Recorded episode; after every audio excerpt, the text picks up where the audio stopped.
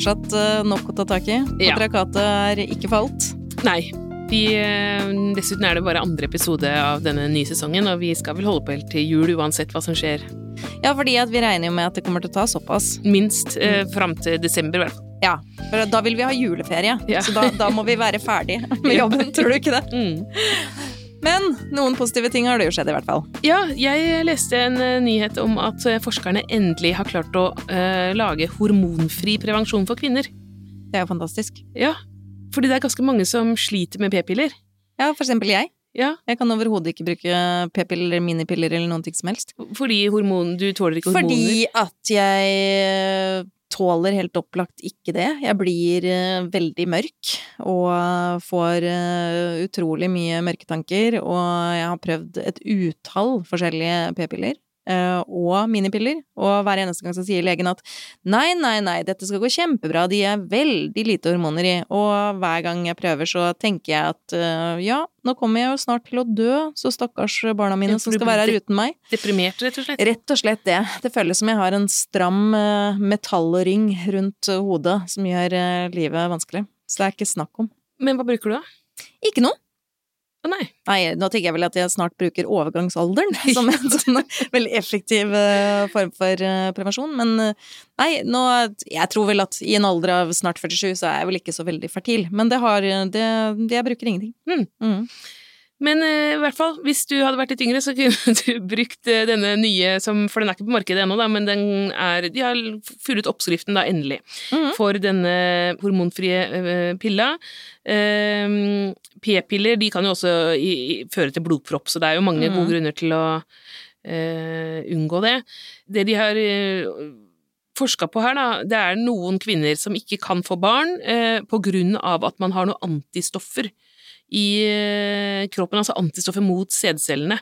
Så det er det de har rett og slett brukt disse kvinnene, da. Mm, sånne små sad warriors. Ja. ja. Eh, som egentlig er for infertilitet, men da bare Da er det jo liksom å finne den rette. Eller rette mengden. Mm. Eh, så vil det da eh, drepe eh, disse sædcellene, og det har de eh, i dyreforsøk på sau funnet ut, at det er 99,9% effektivt i denne dosen, da. Mm. Eh, like sikker som p-piller og prevensjon. Men så er det på en måte andre ting, da. Det er veldig dyrt å forske på, og de har jo ikke testa det ordentlig på mennesker ennå.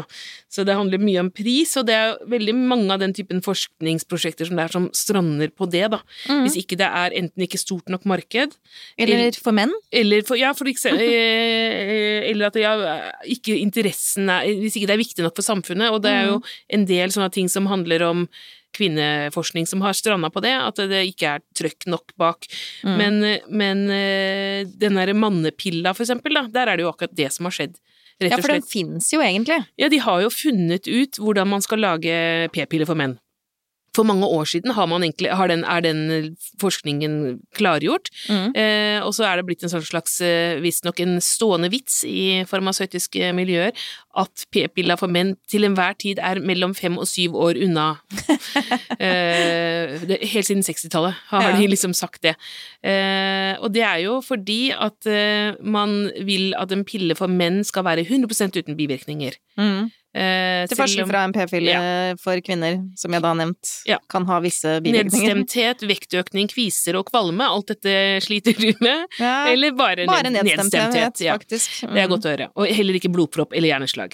Nei. Eh, Nei. Men Nei, alt dette kan Mest alt fordi jeg bruker jo ikke p-piller. Nei, nei. Men du har prøvd mye, da. Jeg har jo prøvd, Mm. sikkert. Jeg tror jeg har prøvd syv forskjellige. Ja. Men eh, i hvert fall, alt dette her kan man ramme seg. Eh, mens da det ville være umulig å komme på markedet med en p-pille for menn som har like mye bivirkninger som kvinner, har de sagt da.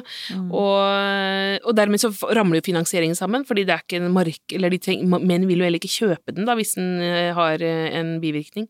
Eh, Nei, du så jo det med, med en gang du hadde én koronavaksine som eh, ga potensielt blodpropp til sånn 0,01 promille av de som ble vaksinert, så var det bort med den Mm. med en gang. Mens uh, hvor mange får blodpropp av p-piller. Ja, Men jeg, igjen, jeg må også si, jeg er veldig positiv til p-piller, så jeg vil ikke at dette skal oppleves som at jeg er negativ til prevensjon som sådan. Vi har jo feira altså p-pille Pinkuspillen. Pinkuspillen Ja. eh, her tidligere. Mhm. Det er jo på en måte en solskinnshistorie i Mhm. utgangspunktet, med Margaret Sanger, sykepleieren fra USA, som Ja. klarte å samle inn penger til forskning, sånn at eh, Gregory Pinkus eh, fikk lagd denne magiske pilla i utgangspunktet. Mm. Og det er en fantastisk oppfinnelse, og det er jo ikke noe tvil om at den har endra verden Mm. som vi kjenner den. Mm. Så uh, igjen, kanskje hormonfri pille hadde vært noe for meg òg. Så får vi se hvordan det utvikler seg videre. Mhm.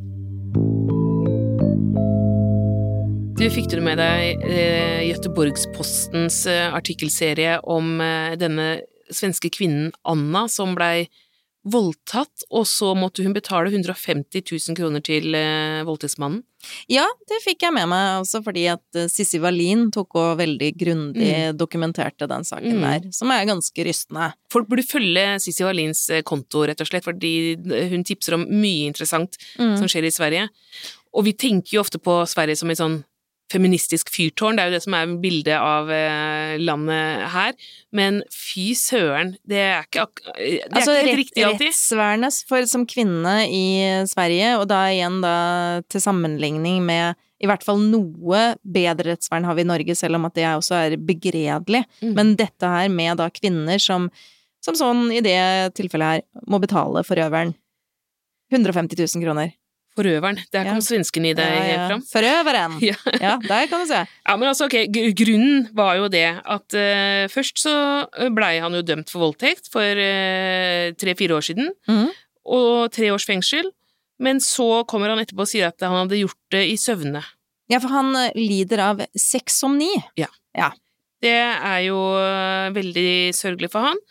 Uh, altså Det er jo veldig sørgelig, spesielt med tanke på at i hele verden, i løpet av et år, så er det da ca. 47 mennesker som blir diagnostisert med sexomni. Så det fins, I hele altså. verden. Det fins, ja, ja. Altså, Men det, det er jo det, det betyr, altså, betyr at du, kan, at du driver og voldtar folk i søvne? Nei, at du har sex i søvne, da. Så det er vel ikke nødvendigvis alltid klassifisert som voldtekt. Det spørs jo om du har en samtykkende partner i nærheten, eller hva som skjer. Hvis partneren sover, så er det Ja, jo voldtekt. Ja, igjen. Men det er jo ikke sikkert partneren sover. Det er bare at du gjør det når du har sex. Ok. Men Mm. uansett, 47 case internasjonalt, og da er det jo litt påtagelig at 30 av de diagnosene er diagnostisert i Sverige. Altså er de, eh, det, det er vel det at de hevder, det er 30 ja. menn som hevder at de har sex Ja, som ni i Sverige. Men de har jo også fått eh, legeerklæring på at det er det, det. de lider av. Ja. Og flere av de da også er rett og slett eh, dømte voldtektsmenn.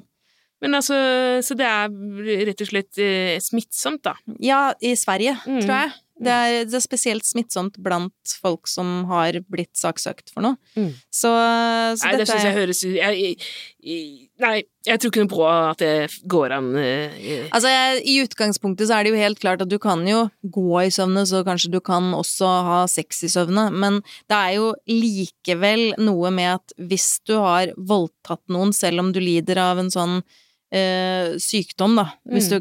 du vil kalle det for det, så er det jo litt merkelig at du dermed også skal slippe unna straff på noe som helst måte, og så blir du i tillegg tilkjent erstatning. Som offeret må betale. Ja. Altså, jeg, jeg tenker jo at det liksom det, hvis, Ok, da. eh, hvis man er eh, klarer liksom å ha sex i søvne, så kan man jo gjøre mye annet i søvne, for eksempel å Mm. drepe noen og sånn, da. Ta livet av noen. Du kan jo ikke få fri Du kan jo ikke ikke bli dømt bare fordi man sov når man kvalte Nei, det er jo akkurat, akkurat det, det har vi jo i Norge, så er det jo liksom tilregnelighet som ligger til, eh, til grunn for ting. Så sånn sett, hvis man kan eh, bevise at det er en eller annen eh, psykisk eh, forstyrrelse som gjør at du har gjort noe, så er det ikke alltid du kan dømmes. Men i Sverige så har du jo faktisk ikke den hjemmelen. Så, mm. så det er jo interessant å følge med. Igjen, følg med på Sissel Wallin, for da ser du veldig mye ut av hvordan disse sakene blir behandla på forskjellig måte i Norge, i Sverige. Hun overvåker også ganske mye av det som skjer i, i Danmark. Så um, det anbefales akkurat som du sier, å følge med på det. Men eh, apropos eh, dette muntre temaet voldtekt i Sverige. Eh, jeg har eh, en historie med meg om en dame som het Sofie Sager. Har du hørt om henne? Aldri! Burde Hun burde jo vært eh, altså på Pensum? På pensum. Jeg tenkte egentlig å si på sokkel, Ja. men begge deler. Eh, første kvinnen i Sverige som anmeldte voldtekt og fikk eh, gjennomslag på en måte for eh, sin eh, side av saken. Mhm. Eh, Når skjedde dette? dette skjedde i 1848. Ja. Så det er eh, lenge siden. Eh, hun var da en eh, ung jente som blei ble født i Småland, kom til Stockholm som 23-åring for å søke lykken, står det, men det var kanskje ikke så lykke, mye lykke var, og, og eller å få seg jobb, Ja, det var rett og slett det, fordi at i Sverige som i Norge på den tida der, så var det et kvinneoverskudd. Eh, overskudd. eh, fram til da, på en måte, så var det jo liksom forventa at eh, altså, alle kvinner skal jo bli gift for å bli eh, forsørget, men her så var det, kom man i en fase at særlig i byene så var det mm, eh, for mange kvinner, så mange blei jo ikke gift. Og da vokste det fram en sånn forståelse for at eh, ok, noen kvinner kan vel få lov til å forsørge seg sjøl, da. Det var, altså, skole var stengt, og utdanning var stengt, og de fleste yrker var stengt, men så begynte man å tenke at ja, disse enkene, eller disse eh, eh, Hva heter det, nykkene ny, eh, Nukkorne. Ja, eh, de må vel. Peppermøene, de må få lov til å tjene sine egne penger. Så hun var på en måte en- det var en, det som var en del av dette. Familien eh, leide, ga altså, en togbillett og fikk henne på plass i Stockholm for at hun skulle lære seg å sy. Mm.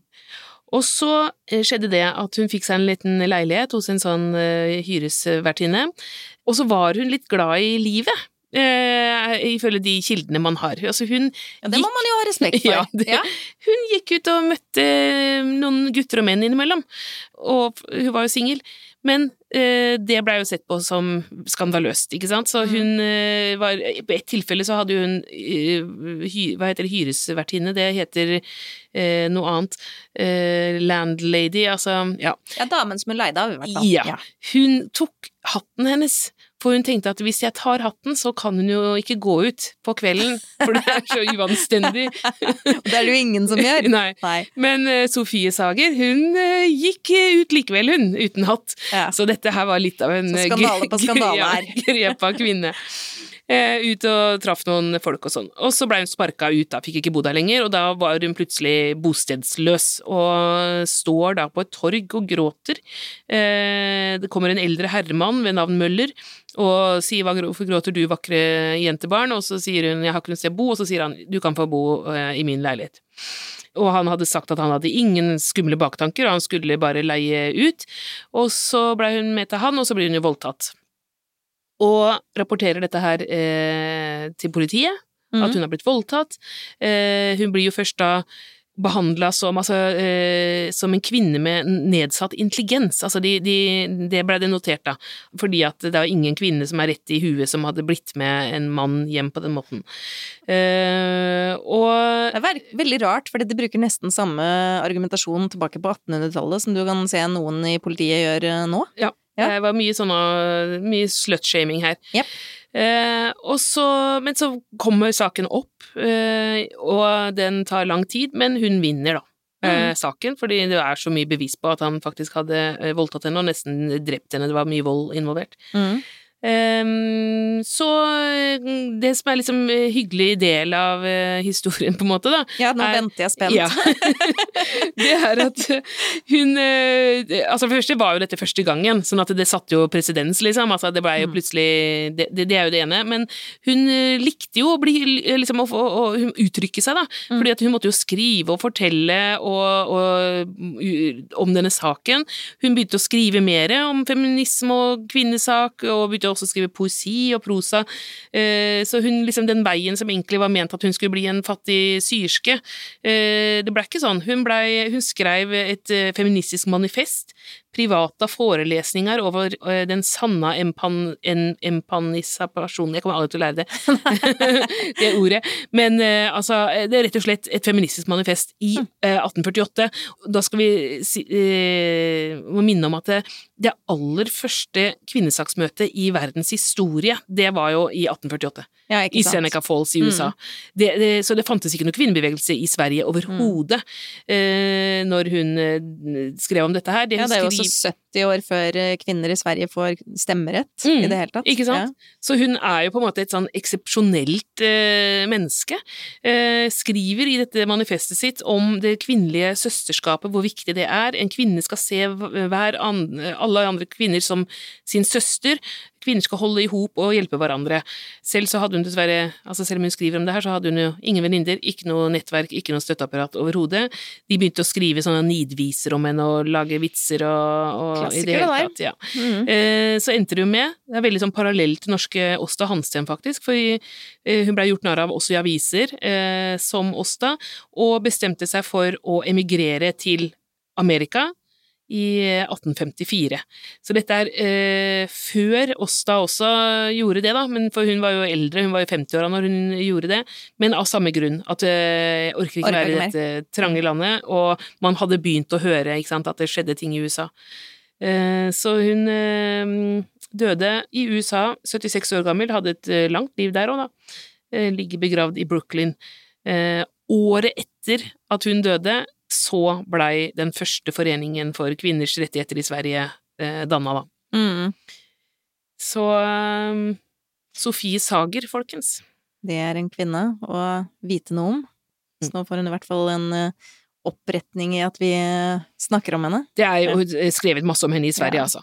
Selvfølgelig, men jeg har aldri hørt om henne, Men hun er ikke eh, men, men det er i scene Altså, den artikkelen jeg har her, den er jo fra bladet Historiskan.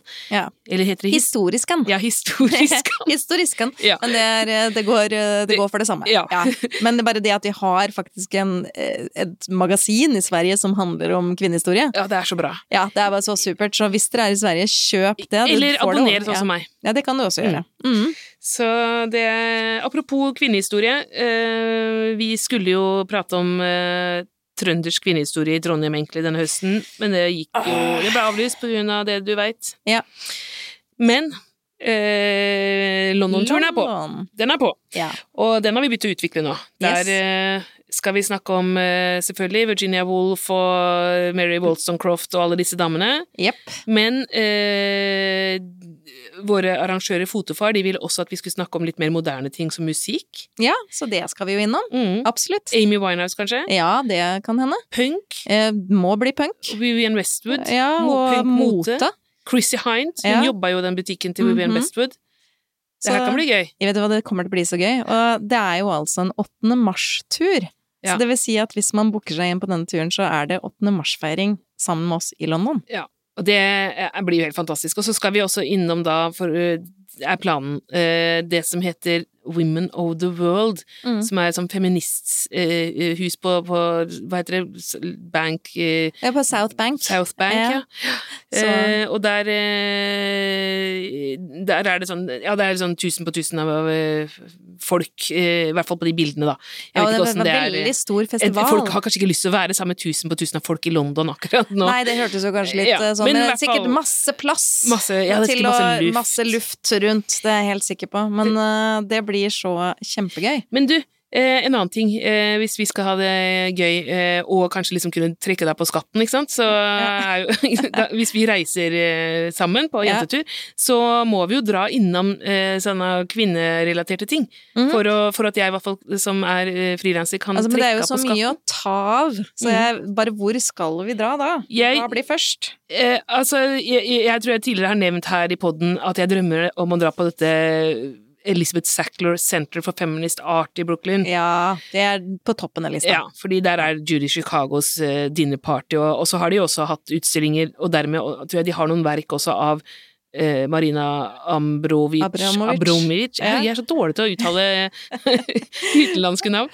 Yoko Ono, Cindy Sherman, Annie Leibovitz. Altså, Altså, alle de store, veldig gode, flotte kvinnelige, kvinnelige Mm, kunstnerne. Mm. Men i Århus som er en by som står veldig høyt opp på min liste. Eh, både på grunn av altså, det, det derre mm, senteret Eller hva heter det der museet Det som museet er sånn som er som en sånn glass. sirkel med sånn farge, Ja. fargefelt. Det ser så fint ut! Det ser så fantastisk fint ut, så jeg tenker jo at man nesten kan reise til Århus bare for å gå på museum. Ja. Ja. Og der, i, ikke akkurat der, men et annet sted i Århus, så Mhm. er dette kjønnsmuseet.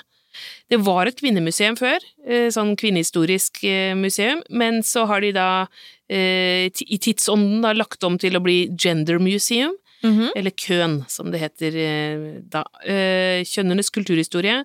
Masse kvinnerelaterte produkter er eh, hovedutstillingen, som er det sånn, altså det er tusen på tusen av ting, som er sånn eh, alt fra korsetter og hippiekjoler til smykke, seksuelle virkemidler, alt som kvinner har brukt og tatt eh, vare på, eller holdt på med fra middelalderen og, eller før sikkert, og, Mhm. til i dag, da. Eh, Så det er veldig gøy, og så er det jo store altså, spesialutstillinger som skifter, da. Mhm. Og så er det en veldig fin kafé der, jeg har sett. Så er dette noe for deg? Absolutt. Mm. Men jeg, altså alt som er sånn reise til utlandet akkurat nå, så er jeg jo bare sånn ja, jeg er Mm. fullvaksinert, jeg Mm. kan komme meg inn og ut. Så jeg bare begynner, øynene mine begynner å lyse. Men i Stockholm så har de jo funnet på noe som jeg syns er veldig smart. Eh, for de vil jo også ha selvfølgelig kvinnehistorisk museum, men i stedet for å liksom bygge ett hus til det, så har de noe som heter Stockholm Kvinnehistoriska, som er en organisasjon som trekker fram det kvinnehistoriske aspektet i alle de andre museene. Ok. Sånn at uh, i stedet for ett hus, som er på en måte litt sånn Det er litt dumt også, at uh, alle, alle museene skal handle om menn, og så kan vi ha ett for kvinner. Ja, det er litt sånn som det der at vi ikke har lyst på en egen scene. Ja, Det har vi også snakka om før. Vi vil faktisk være på samme scene som mennene er på. Ja, ikke sant? Ja. Mm. Så, så der, jeg tror det er det som er tanken til de i Stockholm, da. At de tar og eh, bruker dette apparatet til å løfte fram hva som faktisk fins i arkivene og, og magasinene til alle de andre museene. Ja. Ja, synliggjøring. Veldig kult. Men vi har sånn kvinnemuseum i Norge òg, da. Ja, det er akkurat det der at vi har det, men det ligger jo liksom ikke så innmari sentralt plassert. Ikke, nå er du slem mot Kongsvinger. Ja, jeg, jeg syns jeg er en realist. Ja, Kongsvinger er ikke så veldig sentralt. Ja, men øh, jeg Men det fins. Det fins. Jeg har ikke vært der, det skammer jeg meg litt over. Men øh, greia er at jeg har funnet ut at det, hvis vi skal kjøre til Torpet i Värmland, så kan man kjøre over Kongsvinger. Ja, for da kommer du over til Charlottenberg, Ja, sant? det tar bare en halvtime lenger eller noe sånt. Mhm. Så eh, er du med på det? Jeg er klart eh, med på det. De har jo hatt sånn abortutstilling nå, og det er vårt favorittema. Mm. Eh, altså virkelig abortutstilling, altså med, hvor, hvor de har vi, liksom eh, Det var jo Jeg tror for eksempel det var sånn at det, masse damer som sendte inn trusene sine, hvor de skrev sånn 'la musa mi være i fred' eller noe sånt, til mm. Til, eh, Til museet? Nei, ja, til regjeringen. Ja, ja, ja. Og så har, jeg tror det er Solberg-regjeringen, så har de sendt, eh, gitt dette til museet. ja. Sånn at det er sånn, ja, eh, gamle truser eh, blant annet. Det høres jo kjempespennende ut Ja. å dra og se på. altså det er jo rett og slett en, aktiv, en utstilling om aktivismen, da, på Ja. alle mulige måter. Fra den som var nå i 2014 tilbake til 70-tallet. Mhm. Um, Og det er i huset til Dagny Juel, ja. er det det? Det er, barn, en barndomshjemmet til Dagny Juel, Som, er liksom Som museet holder til i. Og hennes historie har vi sikkert prata om her før, det er jo helt uh, kanskje mest tragisk, sånn- ja, det er så tragisk tragisk og dramatisk. Uh, hun var jo sånn en ja, kvinne på 1880-tallet som vanka i bohemmiljøet og ble slutshamet. Jeg tror hun var med i vår slutshaming-spesial. Det tror jeg. Mm. Hun, var, hun ble slutshamet av alle de betydningsfulle både kunstnerne og forfatterne på den tida, tror jeg. Ja, Og blei jo da drept til slutt uh, av en beundrer på I i Tbilisi. Tbilisi. Mm. Så, så dette er eh, Og den historien er jo også, det får man jo også der. eh, Mhm. Hele hennes historie, for det er en sånn fast utstilling, og så er det masse rullerende. Mm. Så nå var masse reklame for et museum vi ikke har vært på, men eh, vi kan jo fortelle mer eh, hvis du blir med meg. Jeg blir gjerne med på tur til Kongsvinger, selv om det ikke er verdens navle. Så skal vi nok få til å komme oss dit. Jeg er med.